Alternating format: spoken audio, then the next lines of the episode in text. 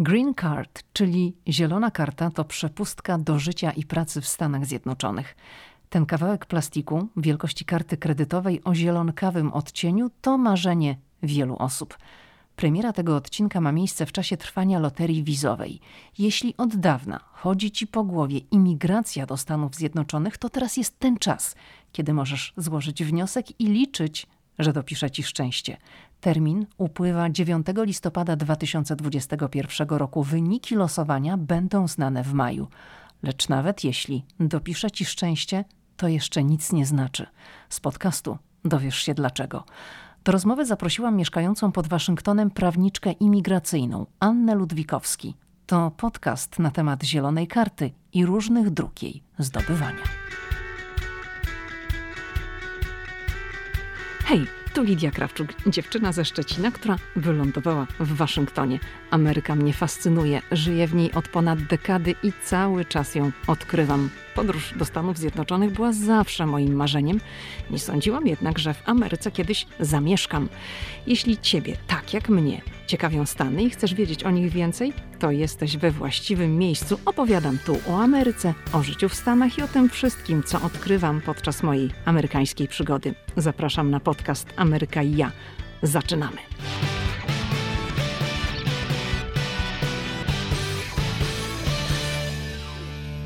To może na początek wyjaśnijmy, co to jest tak naprawdę ta zielona karta, marzenie tak wielu osób. Zielona karta to jest nic innego jak po prostu pozwolenie na pobyt stały w Stanach Zjednoczonych, który jednocześnie daje pozwolenie do wykonywania każdej pracy w tym kraju. I jednocześnie pozwala na podróżowanie z pewnymi ograniczeniami, bo te wyjazdy nie mogą być zbyt długie, jednakże żaden inny dokument nie jest potrzebny, tylko właśnie ta zielona karta, na której można wjeżdżać i wyjeżdżać do Stanów. Wiele osób marzy o emigracji do Stanów Zjednoczonych, ale to nie jest takie proste, to nie jest tak hop siup. To nie odbywa się na takiej zasadzie jak emigracja mm, w ramach Unii Europejskiej, gdzie możemy sobie wyjechać do dowolnego kraju, podjąć pracę i mieć pełne prawa. W Stanach tak to nie wygląda. To jakie są tak naprawdę sposoby, jak najprościej jest wyemigrować do Stanów Zjednoczonych?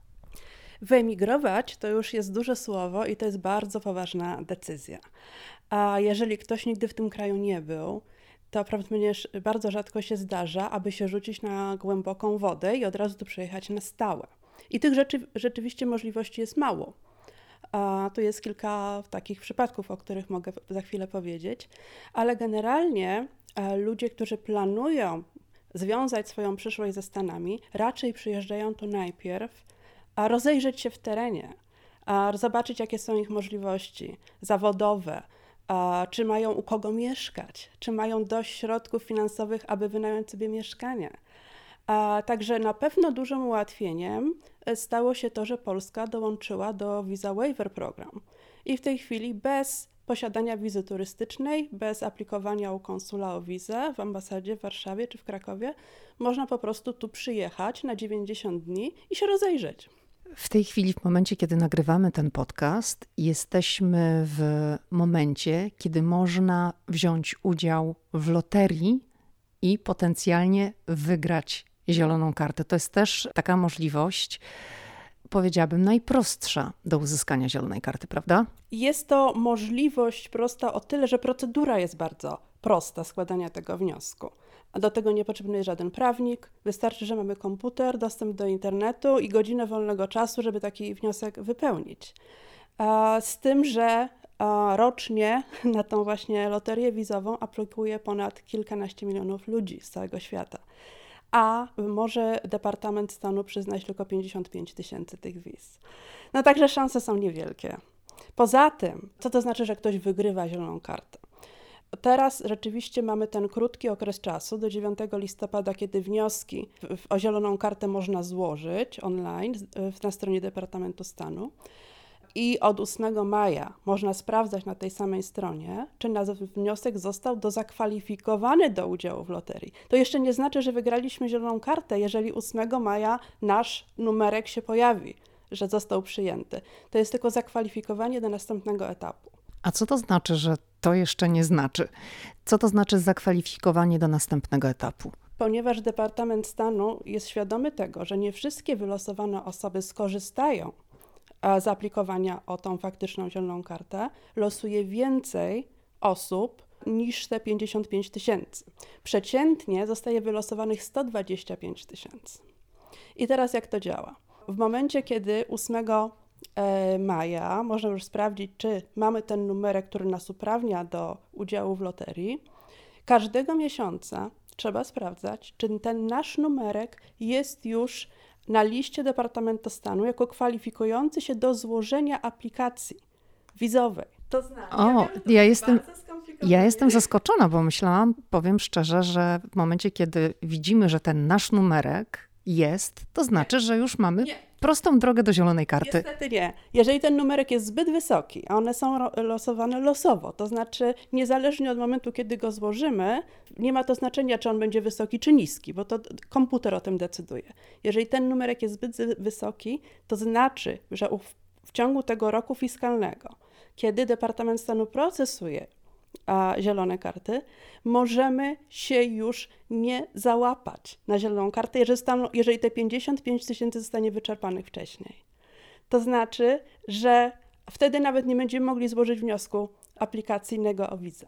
Czyli tak naprawdę nie ma co się od razu tak nie bardzo ma, cieszyć. Nie ma co szaleć i skakać pod sufit, jeżeli ten numerek nam się pojawił 8 maja. Trzeba co miesiąc a sprawdzać Visa Bulletin, to jest ten dokument publikowany co miesiąc przez Departament Stanu i zobaczyć, jaki jest kolejny numerek procesowany. Jeżeli się już zbliżamy do tego naszego, to jest duża szansa, że w ciągu roku zdążymy złożyć właściwy wniosek wizowy. Ale może się zdarzyć, i znam kilka takich osób, których tych numerek był zbyt wysoki, żeby przed 30 września uzyskać możliwość składania wniosku o zieloną kartę. A co to znaczy, że numerek jest zbyt wysoki? Bo powiedziałaś, że. Bo jest ich więcej niż 55 tysięcy. Tak, tak, ale patrząc na numer, na jakiej podstawie możemy wiedzieć, że nasz jest zbyt wysoki? Jeżeli nasz ma na przykład, nie wiem, 100 tysięcy? Jeżeli sprawdzamy kolejne Visa Bulletin z miesiąca na miesiąc, widzimy, jak szybko się posuwa procesowanie tych wniosków. I wtedy daje nam to ideę, czy zdążymy do 30 września złożyć wniosek, czy nie zdążymy. W każdym razie nie można tego wniosku złożyć zbyt wcześnie, jeżeli jeszcze nie ma tego zielonego światła z Departamentu Stanu. Ale rozumiem, że na podstawie tego numeru, który otrzymujemy w momencie złożenia aplikacji, to nie jesteśmy w stanie powiedzieć, czy to jest wysoki, czy niski. Nie. Nie jesteśmy w stanie. Musimy monitorować e, Visa Bulletin. To jest trochę analogiczna procedura do loterii na H1B. H1B to jest wiza dla profesjonalistów, nieimigracyjna wiza, która umożliwia podjęcie pracy w Stanach dla określonego pracodawcy. I tutaj też mamy loterię, ponieważ są kwoty roczne na e, liczbę tych wydawanych wiz. Jest tylko 85 tysięcy wiz H1B przyznawanych co roku, tym osobom zostawiają się po raz pierwszy, a aplikuje co roku powyżej 200 tysięcy. Więc najpierw jest ten proces selekcji e, w kwietniu każdego roku, i dopiero wówczas, kiedy e, nasza sprawa została wstępnie wyselekcjonowana, pracodawca może złożyć wniosek o H1B dla swojego pracownika. A to też wcale nie znaczy, że ta petycja zostanie zaaprobowana. To proszę powiedz, no załóżmy, że osoba, która aplikuje, ma szczęście, ma ten numerek, który nie jest zbyt wysoki i ma zielone światło do złożenia aplikacji. Złoży tą aplikację, otrzyma zieloną kartę. I co dalej? No nie otrzyma jej od razu. Najpierw musi odbyć rozmowę z konsulem i przejść taką samą procedurę, jak e, każdy inny starający się o prawo stałego pobytu w Stanach. Czyli będzie prześwietlona pod względem swojej przeszłości, ewentualnej a, kryminalnej, będzie sprawdzana pod kątem chorób, na przykład, które uniemożliwiają przyjazd do Stanów, będą zadawane pytania odnośnie zdolności finansowej, czy taka osoba nie stanie się obciążeniem finansowym dla rządu federalnego, tak zwany public charge. Także jest szereg jeszcze czynników, o które konsul będzie pytał na rozmowie kwalifikacyjnej i sam fakt, że jest się na tę rozmowę zaproszonym, nie znaczy, że wiza zostanie przyznana, wiza imigracyjna. Dobrze, to załóżmy, że jednak ta wiza zostanie przyznana, że kandydat spełnia wszystkie warunki, że nie będzie obciążeniem, o czym powiedziałaś, dla rządu Stanów Zjednoczonych, czyli nazwijmy rzeczy po imieniu, nie będzie to osoba, która jest nastawiona na korzystanie z tak zwanych benefitów. Czy to oznacza, że trzeba natychmiast przeprowadzić się do Stanów i mieszkać w Stanach? Czy można mieć zieloną kartę i być w Polsce? To znaczy konsul, który zaaprobuje wizę imigracyjną, wbija pieczątkę do paszportu i e, najczęściej kandydat na e, właśnie na osobę, która ma mieszkać w Stanach na stałe, dostaje 6 miesięcy czasu, żeby wjechać do Stanów. Jeżeli tego nie zrobi w ciągu 6 miesięcy, to wiza migracyjna automatycznie przepada. No i oczywiście można się starać na podstawie innej, niekoniecznie e, loterii wizowej. Można się starać później o wizę imigracyjną, jednakże ta w konkretnym razie wygrana w loterii przepada. Zapytałaś, czy można zostać w Polsce, a mieć przyznaną a, a, wizę imigracyjną. Nie, bo to by się kłóciło z założeniem samej zielonej karty, bo to jest prawo stałego pobytu. Mamy to po to, żeby mieszkać na stałe w Stanach Zjednoczonych. Możemy podróżować, oczywiście, ale nie możemy mieszkać na stałe w Polsce i mieć zieloną kartę. Czyli, żeby utrzymać zieloną kartę i ewentualnie wejść na ścieżkę do obywatelstwa, bo to jest ten kolejny krok, musimy po prostu przebywać i żyć w Stanach Zjednoczonych. Tak, absolutnie. Musimy pokazać jak najwięcej związków z tym krajem, to znaczy praca, stałe miejsce zamieszkania, dzieci urodzone tu już w tym kraju, coś, co nas trzyma w Stanach. Jeżeli jest więcej czynników, które nas trzymają za granicą niż tu, to przy każdym kolejnym wjeździe do Stanów możemy mieć problemy podczas rozmowy z urzędnikiem na granicy. Bo jeżeli ta nieobecność w Stanach jest dłuższa niż 6 miesięcy, to wówczas tych pytań może być więcej. Gdzie naprawdę ta osoba mieszka na stałe? Jeżeli się okaże, że mieszka na stałe w Polsce, tylko przyjeżdża na święta do Stanów, na przykład spotkać się z znajomymi, nie ma tutaj miejsca zatrudnienia, mieszka po znajomych, no to wniosek jest jasny, że ta osoba tylko odwiedza Stany Zjednoczone, a nie jest stałym rezydentem Stanów Zjednoczonych. Powiedz, jakie są inne legalne możliwości wyjazdu do Stanów? Pytam o to dlatego, że nie ukrywam, że ja dostaję często pytania od słuchaczy, którzy nawet piszą czasami tak: Planujemy z żoną wyjazd do Stanów, ale tak naprawdę to nie ma żadnego planu, tylko to są takie bardziej, powiedziałabym, marzenia. I ta ścieżka, o której ty powiedziałaś, uzyskanie zielonej karty, tutaj mamy element szczęścia. Losowanie. Wygrywamy, mamy niski numerek, to już zapamiętam na zawsze. Mamy niski numerek, i, i wtedy no jest szansa, że przejdziemy ten cały proces i uzyskamy zieloną kartę. Ale droga do pobytu w Stanach Zjednoczonych może być też troszeczkę inna. Nie od razu rozpoczyna się od zielonej karty. Oczywiście i najczęściej się nie zaczyna, bo są różne opcje starania się o pobyt stały. Na przykład na podstawie zatrudnienia, na podstawie małżeństwa bądź posiadania bliskich członków rodziny w Stanach Zjednoczonych. I oczywiście nasuwa się wniosek, jeżeli to ma być e, petycja w oparciu o pracę, to przecież nikt nas w Stanach nie zatrudni, jeżeli nas nie zna. Więc, e, tak jak wspominałam wcześniej, E, możliwość przyjazdu do stanu na Visa Waiver Program na 90 dni otwiera możliwość nawiązania kontaktu, zorientowania się, poszukiwania konkretnego pracodawcy, który chciałby nas zatrudnić, odbycia rozmów kwalifikacyjnych. Wówczas można wrócić spokojnie do Polski. Jeżeli dostaniemy ofertę pracy, to sponsor, pracodawca rozpoczyna ten proces w Stanach za pośrednictwem swojego prawnika najczęściej Natomiast dopiero kiedy wiza imigracyjna zostanie przyznana danej osobie w Polsce, rozpoczyna się już ubieganie e, o zieloną kartę na, e, w ambasadzie czy w konsulacie w Polsce. Dobrze, to doprecyzujmy, bo mówisz o tych 90 dniach. Teraz Polska, mm, no Polacy nie muszą ubiegać się o wizy w ambasadzie Stanów Zjednoczonych w Polsce, dlatego że wystarczy, że wypełnią formularz ESTA, no i dostają decyzję, czy jest akceptacja, czy nie jest. I to mówisz o tym, tak, że w ramach tej esty można przyjechać i próbować szukać szczęścia. Tak, y, nie tylko szukać szczęścia, ale po prostu się rozejrzeć, jakie mamy perspektywy, czy jest e, popyt na rodzaj wykonywanej przez nas pracy, jeżeli mówimy oczywiście o sponsoringu przez pracodawcę.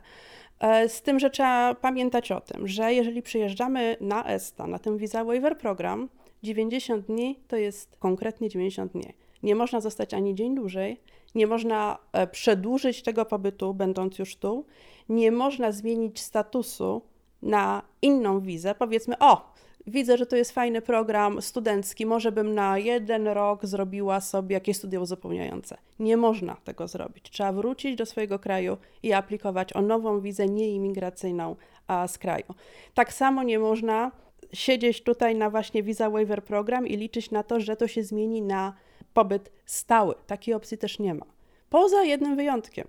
Małżeństwo z Amerykaninem pozwala, pozwala na w tak zwany adjustment of status, czyli zmianę statusu niemigracyjnego na imigracyjne bez konieczności wyjazdu do swojego kraju i, i przechodzenia przez postępowanie konsularne. Można to zrobić tutaj. Powiedziałaś coś takiego, że można przyjechać, rozejrzeć się i z Twoich ust to brzmi całkiem prosto i łatwo. Czy Twoim zdaniem osoby z Polski, które nie są specjalistami, wysoko wykwalifikowanymi specjalistami, mają w ogóle taką opcję i szansę, żeby tu przyjechać i się rozejrzeć? Przyjechać i, się, przyjechać i się rozejrzeć zawsze można.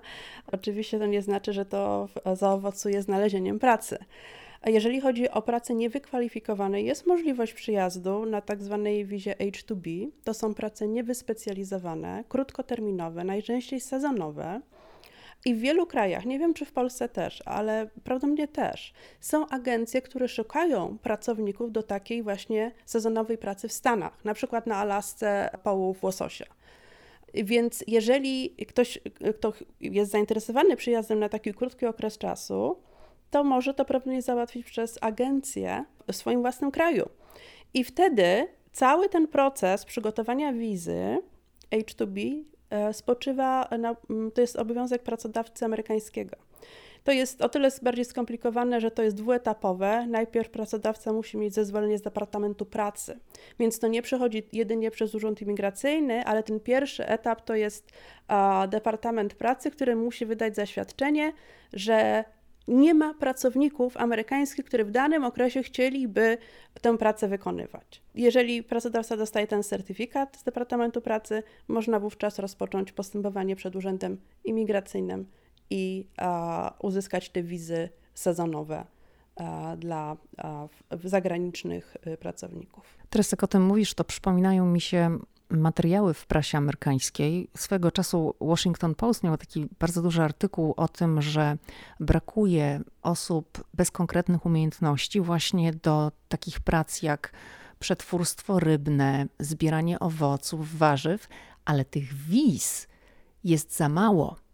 Bo są limity. Tak samo jak są limity wiz H1B dla, dla wyspecjalizowanych pracowników, profesjonalistów, tak samo są li, limity dla robotników e, sezonowych niewykwalifikowanych. Powiedz, czy jak się przechodzi przez taki proces aplikowania o wizę imigracyjną, czy to w ogóle da się zrobić bez prawnika? Można. Można, to zależy od tego, gdzie się jest. Czy się jest za granicą w swoim kraju, czy się jest już tutaj. Jeżeli podstawą uzyskania zielonej karty miałoby być e, bliskie pokrewieństwo z obywatelem amerykańskim bądź e, stałym rezydentem Stanów, to taką petycję można, będąc tutaj zwłaszcza, przygotować samemu. Nie jest to aż tak bardzo skomplikowane. Jest to dużo papierów, oczywiście. Wymaga to dużej staranności, żeby wysłać petycję na właściwy adres. To się bardzo często zmienia, więc trzeba mieć pewność, że wysyłamy tam, gdzie w danej chwili się to wysyła. Jest to do przeprowadzenia, zwłaszcza, że w petycjach rodzinnych pierwszym etapem to jest aplikacja wypełniana przez sponsora, czyli nie przez nas, potencjalnych imigrantów, tylko przez tego Amerykanina, który już tu jest. Więc on w przypadkach aplikacji rodzinnych wypełnia tak zwaną I-130 petycję dla członka rodziny i dopiero gdy ta petycja jest zatwierdzona, to wówczas e, ta potencjalny imigrant składa aplikację o właściwą zieloną kartę. Jeżeli jest tutaj, to to, jest, to się nazywa adjustment of status, czyli zmianę statusu z nieimigracyjnego na imigracyjny, z tym, że bardzo ważny warunek jest, że ta osoba musi tu być legalnie. No właśnie, a ja chciałam przy okazji zapytać, bo mówisz, że osoba musi być tutaj legalnie, ale słyszałam o takich przypadkach, że osoby, które nie mają uregulowanego statusu, czyli najczęściej przekroczyły pobyt, przyjechały na wizach turystycznych wiele lat temu i zaczęły pracować. Tutaj, to się mówi tak powiedzmy kolokwialnie, bez papierów. I zostały tutaj, są tutaj latami i żenią się albo wychodzą za mąż za amerykańskich obywateli i one jednak poprzez te małżeństwa, mimo iż nie chcę mówić są nielegalnie, bo to w ogóle jest w Stanach Zjednoczonych, to jest tak, taki nacisk się tutaj kładzie w pewnych środowiskach, żeby w ogóle nie używać tego sformułowania, e, ale... Tak, właśnie, takie osoby są nieudokumentowane. Takie osoby jednak w pewnym momencie legalizują swój status i swój pobyt przez małżeństwa, czyli to nie przekreśla szansy. Nie przekreśla szansy, tak. Ta furtka zawsze istniała w, w, w amerykańskim prawie imigracyjnym na podstawie ustawy o imigracji i obywatelstwie. Więc jeżeli osoba, która została dłużej, pracuje nawet e, bez pozwolenia, może zalegalizować swój e, pobyt poprzez e, małżeństwo z Amerykaninem, który złoży dla tej osoby petycję o zieloną kartę. Tak samo jeżeli na przykład dorosłe dziecko takiej osoby jest w Stanach i ma, jest Amerykaninem, to też może dla swojego rodzica nieudokumentowanego złożyć petycję o zieloną kartę, bo to, to też jest kategoria immediate relatives. To są po prostu małżonkowie, e, dzieci i rodzice obywateli amerykańskich. Tak, ale dzieci mogą dopiero po ukończeniu 21 roku tak, życia. Dokładnie. To Powiedzmy, jakie są możliwości uzyskania zielonej karty, jak jest się już tutaj? Przyjedzie się na przykład na studia, albo zaczyna się gdzieś pracę w jakiejś amerykańskiej firmie. Jakie są drogi do zielonej karty z pozycji bycia tutaj? W najlepszej sytuacji niewątpliwie są studenci, dlatego że oni już w czasie studiów mają możliwość odbycia płatnej praktyki.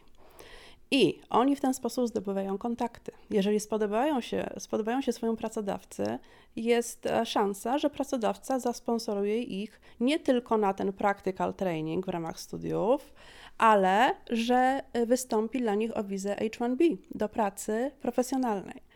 A tutaj w najlepszej sytuacji są e, studenci kierunków ścisłych, ponieważ oni mają już po ukończeniu studiów możliwość jeszcze pracy przedłużenia tego jednego roku praktyki o następne dwa lata. Czyli oni właściwie trzy lata mogą pracować i w ciągu tych trzech lat pracodawca może występować o wizę H1B dla nich. Mówiłyśmy już o loterii, że to jest loteria. Fakt, że pracodawca składa papiery na H1B, to nie znaczy, że będzie mógł tą osobę zatrudnić, bo to jest loteria. Najpierw trzeba się zakwalifikować do tej puli 85 tysięcy osób, które będą zakwalifikowane na dany rok do wizy H1B. Także zdecydowanie to są e, studenci kierunków ścisłych, mają e, naprawdę najwięcej szans, jeżeli chodzi o zatrudnienie e, przez pracę. Jeżeli chodzi o małżeństwo z Amerykaninem, to te osoby też można mówić o łucie szczęścia, dlatego że tutaj nie ma żadnych kwot, żadnych limitów. To znaczy, że rząd amerykański może wydawać zieloną kartę każdej osobie, która złoży poprawny wniosek o zieloną kartę na podstawie małżeństwa z Amerykaninem. A powiedz, co to tak naprawdę znaczy, że pracodawca będzie cię sponsorować? Czy to wystarczy, że po prostu będzie ci płacił pensję? Czy to wiąże się również z dodatkowymi kosztami dla pracodawcy? Czy to jest dla pracodawcy kłopot? To jest pewien kłopot, z tym, że amerykańscy przedsiębiorcy, pracodawcy są przyzwyczajeni już do tej procedury. A właściwie y, duże korporacje mają wewnętrznych prawników, którzy się specjalizują właśnie y, w załatwianiu, procesowaniu wniosków o zatrudnienie ludzi z zagranicy. Więc sponsor, on inicjuje proces zatrudnienia zagranicznego pracownika u siebie. Czy to jest wiza nieimigracyjna H1B, czy to jest wiza L e, dla e, kierowników um, i e, no, kadry kierowniczej firm międzynarodowych, czy to jest już deklaracja pracodawcy, że chce danego pracownika na stałe to wówczas procedura jest troszkę inna, ale w jednym i w drugim wypadku za ten proces odpowiada pracodawca i on musi za niego zapłacić. To jest uregulowane ustawowo i wręcz osoba z zagranicy nie może opłacać tego procesu. Ani nie może płacić prawnikowi za procesowanie tego, ani jeżeli są jakiekolwiek uh, filing fees, czyli opłaty do Urzędu Migracyjnego, uh, bądź w przypadku labor certification, czyli to jest ten pierwszy etap w procesowaniu zielonej karty dla pracownika, który się wiąże z dużymi kosztami, dlatego że pracodawca musi sprawdzić rynek amerykański. Sprawdzić, czy na jego terenie, to znaczy w danym obszarze geograficznym, czy są obywatele amerykańscy, którzy chcieliby podjąć tą pracę a, i są do niej kwalifikowani. Żeby taki, taki właśnie rynek przetestować, wymaga to zamieszczenia szeregu ogłoszeń w różnych mediach. Także to jest kosztowny proces, to jest kilka tysięcy dolarów, samo sprawdzenie tego rynku, czy po prostu możemy zatrudnić tego zagranicznego pracownika, czy jest ktoś, komu odbieramy pracę, gdybyśmy to zrobili. Więc w przypadku sponsoringu przez pracodawcę mamy właściwie trzy etapy w procesie do zielonej karty. Bo najpierw jest ten etap z Department of Labor, z Departamentem Pracy który jest najdłuższy i najtrudniejszy. I tutaj nie wyobrażam sobie, żeby strony mogły działać bez prawników, na pewno pracodawca nie ma czasu, żeby to robić sam, to jest skomplikowane, wymaga pilnowania terminów, wymaga właśnie zamieszczania szeregu tych ogłoszeń w różnych mediach i kontrolowania tego wszystkiego. Prawnik musi ustalić, jaka jest e, średnia płaca, którą musi zapłacić pracodawca, tak aby to było zgodne z prawem, żeby ta pensja nie była zbyt niska. Także na tym etapie prawnik jest absolutnie e, niezbędny. Ale to jest dopiero pierwszy etap to znaczy ten etap Departamentu Pracy. Dopiero jeżeli e, w wyniku te, tej właśnie tego e, recruitment, czyli badania rynku pracy amerykańskiego, e, możemy wykazać, że nie było chętnych i kwalifikowanych pracowników amerykańskich, dopiero wtedy można iść dalej z petycją. Jeżeli to labor certification jest zatwierdzone, to wtedy pracodawca, dalej pracodawca, nie pracownik zagraniczny, składa petycję do Urzędu Imigracyjnego tym razem, w której musi udowodnić, że ma wystarczającą zdolność finansową, aby zatrudnić tego pracownika, no i oczywiście zobowiązać się, że będzie go e, zatrudniał aż do momentu, aż ten uzyska zieloną kartę że to będzie takie kontynuacja sponsoringu. Jeżeli ta następna właśnie petycja, o której teraz powiedziałam, ta petycja e, pracodawcy do Urzędu Imigracyjnego zostanie zatwierdzona, to wtedy dopiero składamy tą petycję o zieloną kartę, czyli o adjustment of status do e, też do Urzędu Imigracyjnego. Najczęstszy scenariusz to jest taki, że osoba taka już pracuje, bądź to w ramach tego OPT to się nazywa, czyli Optical practical training, albo jest już na wizie H1B. Czyli po prostu pracuje legalnie już dla tego pracodawcy i wówczas może złożyć aplikację o samą zieloną kartę, która jest już jego prywatną aplikacją, za którą może sam zapłacić, wziąć sobie osobnego własnego prawnika, aby to dla niego zrobił. Natomiast pierwsze dwa etapy wymagają, aby to wszystko było przygotowane przez pracodawcę. Czy są jakieś limity przyznawania zielonych kart, ale nie mówimy tutaj o tych zielonych kartach w ramach loterii, tylko zielonych kart takich z aplikacji konkretnych osób, które chcą e, zmienić swój status z nierezydenta na rezydenta Stanów Zjednoczonych? Tak, ustawa o imigracji i obywatelstwie z 1952 roku e, wyznacza limity a ile wiz imigracyjnych w danych kategoriach, preferencjach, czy to zawodowych, czy rodzinnych, może być przyznanych e, co roku. Przykładowo, bo tutaj, żeby nie zanudzać danymi, jeżeli chodzi o e, zielone karty wydawane na podstawie zatrudnienia, to jest ich stosunkowo niewiele. To jest tylko 140 tysięcy zielonych kart rocznie. Ogółem wydaje się tych kart około miliona rocznie i najwięcej z nich są to zielone karty najbliższych członków rodziny obywatela amerykańskiego, czyli dzieci, rodzice i współmałżonkowie. Tutaj nie ma żadnych limitów, także oni mogą nawet zawyżać powyżej miliona a tą liczbę zielonych kart wydawanych co roku. Co z Twojego zawodowego doświadczenia bywa na podstawie obserwacji tych wszystkich mm, przypadków, które do tej pory realizowałaś? Co jest największym problemem zawsze? Zawsze, no to musiałam się zastanowić, bo przy każdej sprawie są inne problemy. Częstym problemem jest e, brak finansowej zdolności pracodawcy do zapłacenia tej pensji, którą wymagają przepisy federalne. To jest jeden z problemów. Nawet jak już mamy sponsora, jesteśmy bardzo szczęśliwi, że ktoś nas poprowadzi ku tej zielonej karcie, to się nagle okazuje, że nie możemy przeskoczyć tego, że po prostu firma jest na przykład startup, i nie ma wystarczających dochodów, żeby sponsorować jeszcze osoby z zagranicy. To jest jeden z problemów. Zmiana e, pracy przez właśnie pracownika zagranicznego w trakcie procesu to jest straszny problem, bo wtedy trzeba zaczynać od nowa. Bo taka właśnie labor certification, którą zaczynamy w Departamencie Pracy, jest na konkretną pozycję a w określonym obszarze geograficznym dla konkretnego pracodawcy. Jeżeli coś się zmieni, na przykład pracodawca ma filię w innym stanie i chce przesunąć tego pracownika, powiedzmy z Virginii do Marylandu, no to już niestety zaczynamy od początku, dlatego że i, i pensja jest inna w Virginii niż w Marylandzie, i e, zakres obowiązków może być inny tego pracownika.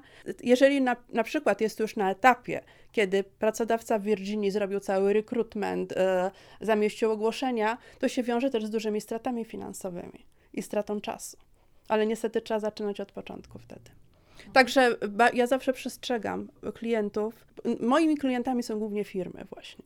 Bardzo rzadko się zdarza, żeby klient indywidualny przyszedł do mnie i powiedział, że e, chciałby uzyskać zieloną kartę na podstawie swojej pracy u kogoś. Raczej to firma się zwraca do mnie, że ma pracownika z zagranicy i chcieliby go sponsorować. Ale właśnie zawsze mówię, czy jesteście pewni, że to będzie ta praca już docelowo? Czy jeżeli, jeżeli są jeszcze jakieś zmiany, to róbcie je teraz, zanim zaczniemy cokolwiek robić. Czy są jakieś minusy posiadania zielonej karty? Bo plusów jest dużo, ale dla osób z zagranicy. Tak, plusów jest bardzo dużo, ale dla osób z zagranicy to są też pewne aspekty do rozważenia, prawda? Jeżeli chodzi o minusy, to właściwie przychodzi mi do głowy tylko jeden, który się wiąże e, z podatkami. W momencie, kiedy uzyskujemy pozwolenie na pobyt stały, to jest to też uzyskanie amerykańskiej rezydencji podatkowej. Także musimy się rozliczać z IRS-em co roku.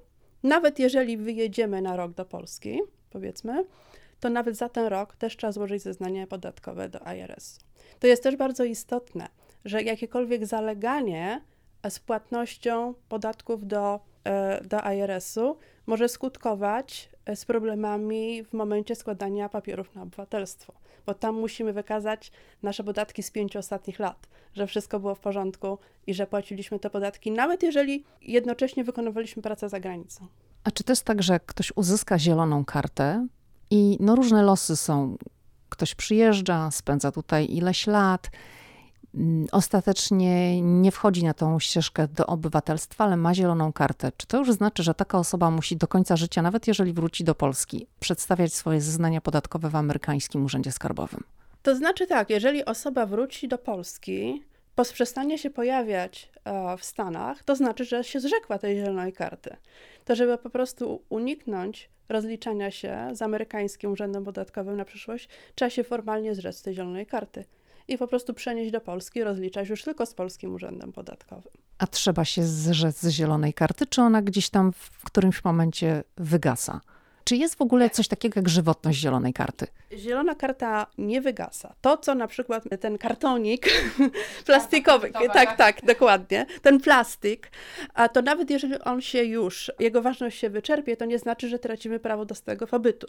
Bo, bo to jest tylko taki dowód do pokazania w razie potrzeby, że, że mamy tą zieloną kartę. Ale jeżeli jej nie mamy fizycznie, to nie znaczy, że przestaliśmy być e, rezydentami aby utracić prawo rezydencji, musi być orzeczenie sędziego. Nie może nawet Urząd Imigracyjny pozbawić kogoś zielonej karty. To jest proces. Z tym, że w sytuacji, kiedy urzędnik imigracyjny stwierdzi, że dana osoba tylko fikcyjnie mieszka w Stanach, tylko sobie tutaj przyjeżdża, a naprawdę ma stałe miejsce zamieszkania w innym kraju, to wówczas może rozpocząć proces unieważnienia zielonej karty. Sam urzędnik nie ma takiej władzy, do tego jest potrzebne orzeczenie sądu, że y, zielona karta została unieważniona i osoba traci prawo stałego pobytu w Stanach Zjednoczonych. A dlaczego niektóre osoby nigdy nie wchodzą na tę ścieżkę do obywatelstwa. Mają zieloną kartę, ale nie robią następnego kroku. Co się za tym kryje? E, wiele rzeczy może się kryć. Takim dość banalnym symptomem jest to, że niektórzy się boją podejść do interwiu z urzędnikiem imigracyjnym, boją się tego testu, a z wiedzy o społeczeństwie, tak można go nazwać. Także strach przed interwiu powoduje to, że nigdy nie składają aplikacji o obywatelstwo. E, niektórzy, to ze względu na narodowość, nie chcą aplikować o obywatelstwo amerykańskie, bo musieliby się zrzec innego wcześniejszego swojego obywatelstwa. Tak jest na przykład w wypadku obywateli Chin czy Indii. Oni wolą zatrzymać, mieć tylko zieloną kartę i trzymać paszporty swoich krajów. Tak samo względy finansowe. To nie jest tania aplikacja. To jest e, około 700 dolarów, które trzeba zapłacić za nią. Także niektórzy uważają po co, skoro mogę tu być na zielonej karcie. Nieskończoność. Chciałam Cię zapytać o tą drogę do zielonej karty na podstawie małżeństwa z obywatelem amerykańskim, bo wokół tego no, jest dużo takich różnych opowieści, również dotyczących małżeństw fikcyjnych. Jeżeli chodzi o te petycje w oparciu o małżeństwo, one są bardzo e, mocno prześwietlane pod kątem właśnie możliwości popełnienia e, oszustwa. Właśnie o to chciałam zapytać, bo znam dziewczyny, które wyszły za mąż za Amerykanów, no i one opowiadały o różnych rozmowach, o wzywaniu do urzędu i rozmów z urzędnikiem, takiego potwierdzenia, że to małżeństwo jest rzeczywiście prawdziwe, a nie fikcyjne. Tak, że są wspólne zdjęcia, wspólne konta bankowe, rzeczy, które naprawdę wiążą małżonków ze sobą. Czy to jest tak, że jak się uzyska zieloną kartę na podstawie małżeństwa z obywatelem amerykańskim, to to już jest na zawsze. To nie jest na zawsze. Y, w tym wypadku karta y, zielona zostaje wydana tylko na dwa lata. Jest to tak zwana karta warunkowa. I przed upływem tych dwóch lat należy złożyć następną petycję razem ze współmałżonkiem, potwierdzając, że się jest dalej razem. I wtedy wówczas możemy dostać tą kartę już na 10 lat, jak typowa zielona karta. Oczywiście zdarzają się przypadki, że para już nie jest razem, po upływie tych dwóch lat. I wtedy są różne wyjątki, jak można mimo wszystko utrzymać prawo stałego pobytu, mimo że para się już rozwiodła, bo jest to możliwe. A jeżeli jest jakiś problem przemocy w rodzinie, na przykład, to też jest e, kolejna możliwość e, starania się samemu o przedłużenie zielonej karty bez proszenia współmałżonka dawnego o pomoc w tym zakresie. A co jeśli urzędnik zakwestionuje prawdziwość małżeństwa i stwierdzi, że nie wiem, czy tak w ogóle może powiedzieć, ale hipotetycznie przychodzi taka para na taką rozmowę i urzędnik mówi: Ja uważam, że wy udajecie. Co wówczas? W tej chwili praktykuje się to, że jeżeli pierwszy urzędnik ma wątpliwości, to organizowane jest drugie interwiu po upływie pewnego czasu z innym oficerem i wówczas się porównuje e, oświadczenia obu małżonków, aby po prostu ustalić, czy, czy jest to prawdziwe małżeństwo, czy fikcja. A z tym, że oczywiście może się sytuacja skończyć odmową wydania zielonej karty, no i wówczas trzeba szukać innych dróg do zostania tutaj na stałe. A czy są jakieś konsekwencje, jeżeli właśnie urzędnik podważa, że no to było fikcyjne małżeństwo? No tak, to wówczas po prostu dana osoba powoli traci możliwość pobytu tutaj. Dostanie tak zwany notice to appear, czyli wezwanie do stawienia się przed sędzią imigracyjnym i wyjaśnienia sprawy. Jeszcze na tym etapie można coś ugrać, można przekonać sędziego administracyjnego, bo sędziowie imigracyjni są sędziami administracyjnymi, to nie są sędziowie sądów powszechnych. Można przekonać, że jednak jest to prawdziwe małżeństwo, czyli jeszcze jakaś szansa jest. Ale generalnie jest to bardzo zły sygnał, jeżeli taki jest wynik z interwiu. Ale nie ma jakichś konsekwencji karnych, rozumiem, tak? Karnych nie ale dana osoba, e, jeżeli już e, nawet sędzia imigracyjny się do tego przychyli, że jest to fikcyjne małżeństwo, będzie musiała wyjechać z kraju. Chciałam Cię jeszcze zapytać, bo jest w Stanach Zjednoczonych, według różnych danych, jest no, kilkadziesiąt, trzydzieści, zdaje się, milionów osób o nieuregulowanym statusie. Mhm. Czy ten problem jest w ogóle do rozwiązania? Ten problem jest przedmiotem debat w kongresie, odkąd ja tu jestem w Stanach. I ciągle się mówi o potrzebie Comprehensive Immigration Reform. I jestem, ja jestem w Stanach od 28 lat, ale nic się nie zmieniło przez te 28 lat. A teraz bardzo dużo nadziei wiązano sobie z prezydenturą Bidena, ale na razie widać, że on ma więcej innych kłopotów niż tylko prawo imigracyjne, więc obawiam się, że w tym zakresie jeszcze będziemy mieli ten problem przez, przez dłuższe lata. Oczywiście są możliwości, jak już mówiłyśmy wcześniej, że nawet ktoś nieudokumentowany przez małżeństwo z Amerykaninem może zalegalizować swój status, ale to też jest tylko pod warunkiem, jeżeli tylko ta osoba została dłużej niż pozwala na to urzędnik imigracyjny w momencie wjazdu. Natomiast jeżeli osoba wjechała nielegalnie, nie była nigdy e, przesłuchiwana przez urzędnika na granicy, to wówczas nie istnieje taka możliwość i małżeństwo z Amerykaninem nie uratuje sytuacji. Tak samo teraz problem DACA. E, nowy projekt jest procesowany. Może powiedzmy krótko, DACA to są ci tak zwani dreamersi, czyli... Dreamersi, tak, którzy zostali tu właściwie praktycznie przywiezieni przez swoich rodziców przed ukończeniem 16 roku życia. I za prezydentury Baracka Obamy wyszło e, rozporządzenie wykonawcze, które po prostu nie dało im żadnego legalnego statusu, tylko pozwoliło im na ochronę przed deportacją. DACA to nie jest nic innego jak sama ochrona przed deportacją, ale nie daje statusu tym ludziom żadnego. Prezydent Biden chce to zmienić, chce przede wszystkim rozszerzyć DACę o możliwość składania następnych aplikacji. W tej chwili jest to niemożliwe. Można tylko przedłużać to zawieszenie deportacji, ale nie można składać nowych wniosków. I tutaj powinno się w najbliższym, w ciągu następnych dwóch miesięcy powinno się to wyjaśnić. Tylko pytanie, czy ta sprawa nie trafi znowu do Sądu Najwyższego i co zrobi z tym Sąd Najwyższy. Ale generalnie kwestia Dreamers to jest jeden z najbardziej palących problemów w prawie migracyjnym amerykańskim. Powiedziałaś, że jesteś w Stanach 28 lat. No to chciałam cię tak na koniec zapytać o twoją historię. Ty jesteś tak jak ja, dziewczyna ze Szczecina. Tak jest. Tak jest. tak jest. Ja przyjechałam do Stanów, w, e, gdy byłam na czwartym roku studiów. Właściwie przyjechałam przez przypadek. Ja nigdy, jak mówiłyśmy o marzeniu wyemigrowania do Stanów, ja nigdy takiego marzenia nie miałam. Ja chciałam po prostu jeździć po świecie zawsze. I a na, wiadomo, że na początku lat 90. te możliwości jeszcze były bardzo okrojone. To też, e, kiedy na Uniwersytecie Szczecińskim, na seminarium moim e, z prawa konstytucyjnego, e, mój promotor przekazał nam informację, że jest możliwość ubiegania się o stypendium na wyjazd do Stanów na 4 miesiące, a w celu studiowania prawa handlowego. A to był program przygotowany przez e, amerykański Departament Handlu i amerykańskie Stowarzyszenie Prawników, które wówczas prowadziło tego typu inicjatywy w krajach Europy Środkowo-Wschodniej. No i ten program miał być właściwie dla młodych pracowników naukowych, a ja byłam dopiero studentką czwartego roku.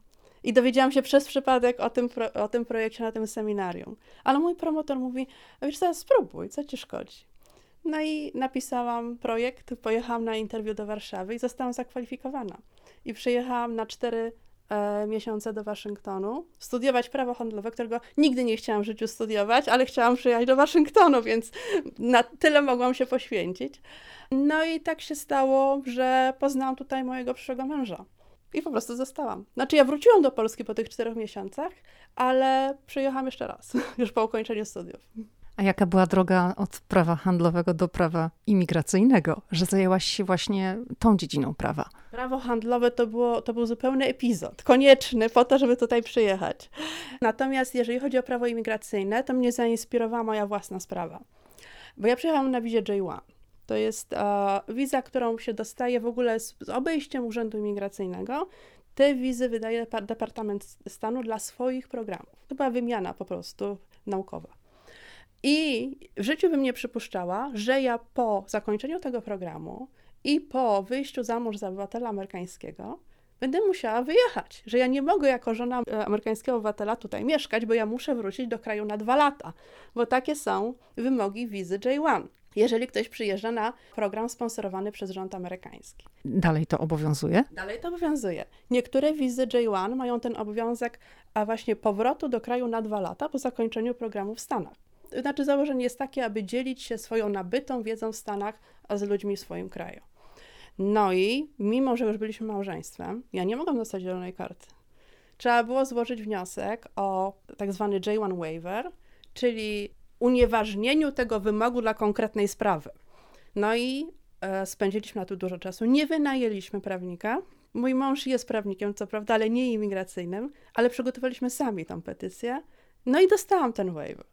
Ale na, na tyle ta moja własna sprawa mnie zainteresowała, a prawo imigracyjne Stanów Zjednoczonych, że uznałam, że jeżeli e, mam tutaj praktykować, to właśnie w tym zakresie. To powiedz, czy po tych wszystkich latach praktykowania prawa i życia w Stanach Zjednoczonych uważasz, że dalej możemy mówić o Stanach Zjednoczonych, bo mówi się tak, że Ameryka to jest land of opportunity. Czy to jest dalej kraj tych wielkich możliwości? Zdecydowanie tak. Ja nigdy nie żałowałam mojej decyzji o zostaniu tutaj. Przede wszystkim, chyba główny, główna rzecz, za którą sobie cenię życie w Ameryce, jest to, że stykam się z różnymi kulturami na co dzień. W Polsce to by było po prostu niemożliwe. Natomiast pobyt w Stanach uczy tolerancji, otwartości na świat. I to są takie wartości, które sobie bardzo cenię w tym kraju. Anna Ludwikowski, prawnik imigracyjny, była gościem podcastu Ameryka i ja. Bardzo dziękuję Ci za rozmowę. Dziękuję bardzo.